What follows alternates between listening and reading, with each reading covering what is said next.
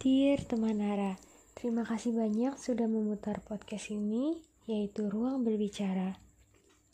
Dan terima kasih juga kepada narasumber yang telah mengirimkan ceritanya, sehingga dapat kami bahas dalam podcast edisi kali ini.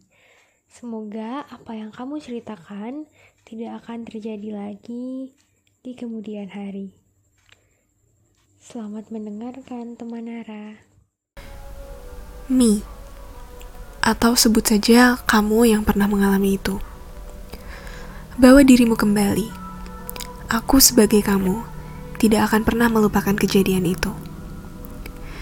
Mengingat suatu hal yang belum awam bagi gadis berusia 15 tahun, aku menemukan kejanggalan yang terjadi tujuh tahun silam.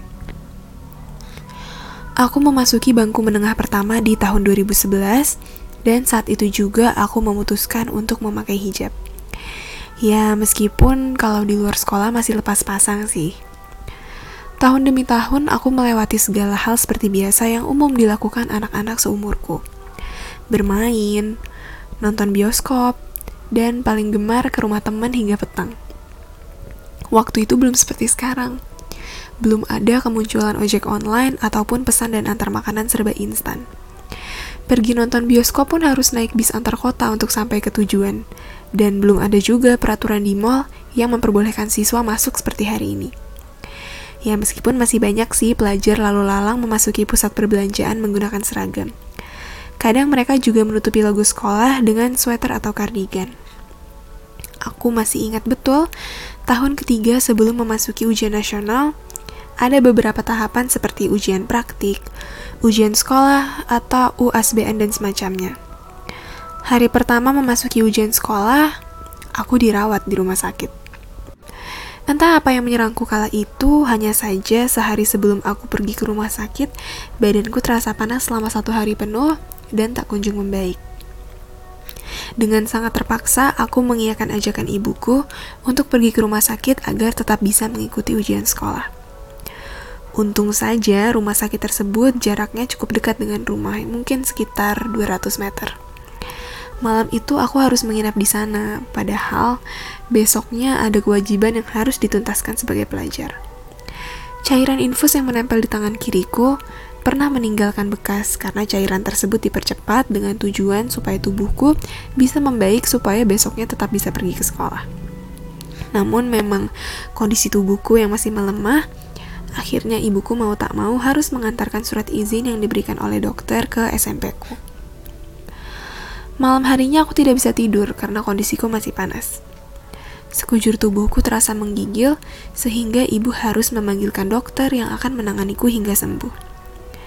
Sebelumnya aku telah memejamkan mata, hingga ibu dan dokter mengira bahwa aku sudah tertidur. Sampai alat seperti stetoskop menempel di dadaku. Awalnya biasa saja. Namun aku merasa stetoskop yang dokter letakkan pada dadaku dibiarkan menempel di sisi tengah dan tangannya mulai menggerayangi bagian payudaraku yang masih dalam masa pubertas. Aku sempat berpikir positif bahwa ia mungkin tidak sengaja menempelkan telapak tangannya pada bagian intim milikku. Aku merasa gusar dan mengelabuinya dengan pura-pura bangun. Aku mencari ibu dan beliau mendatangiku. Saat kejadian itu berlangsung, bahkan posisi ibu pun ada di tempat itu. Hanya saja mungkin ibu tidak mengetahui tangan jahil yang dilakukan oleh dokter tersebut. Dini hari mungkin sekitar jam 2 pagi, dokter tersebut memasuki ruanganku dan memeriksa diriku seperti biasa. Ia adalah dokter yang sama. Mengapa aku bisa tahu? Ya karena ia mengulangi hal yang sama. Dan saat itu aku tidak bisa tidur karena mataku panas dengan kondisi mata terpejam.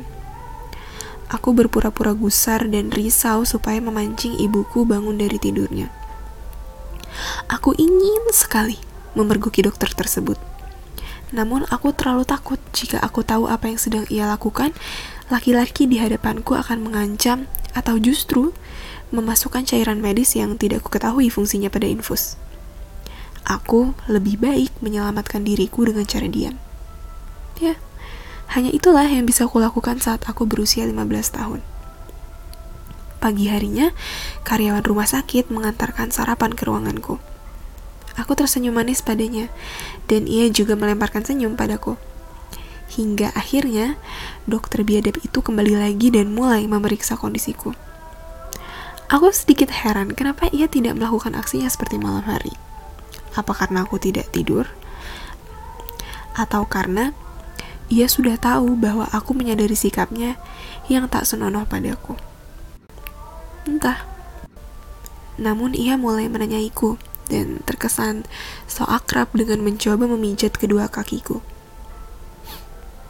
Perasaan tak enak menjalar lagi. Tangannya bergerak naik hingga paha dan aku mulai menepis tangannya. Ia justru diam dan pergi meninggalkan ruanganku. Aku cukup trauma akan pengalaman itu.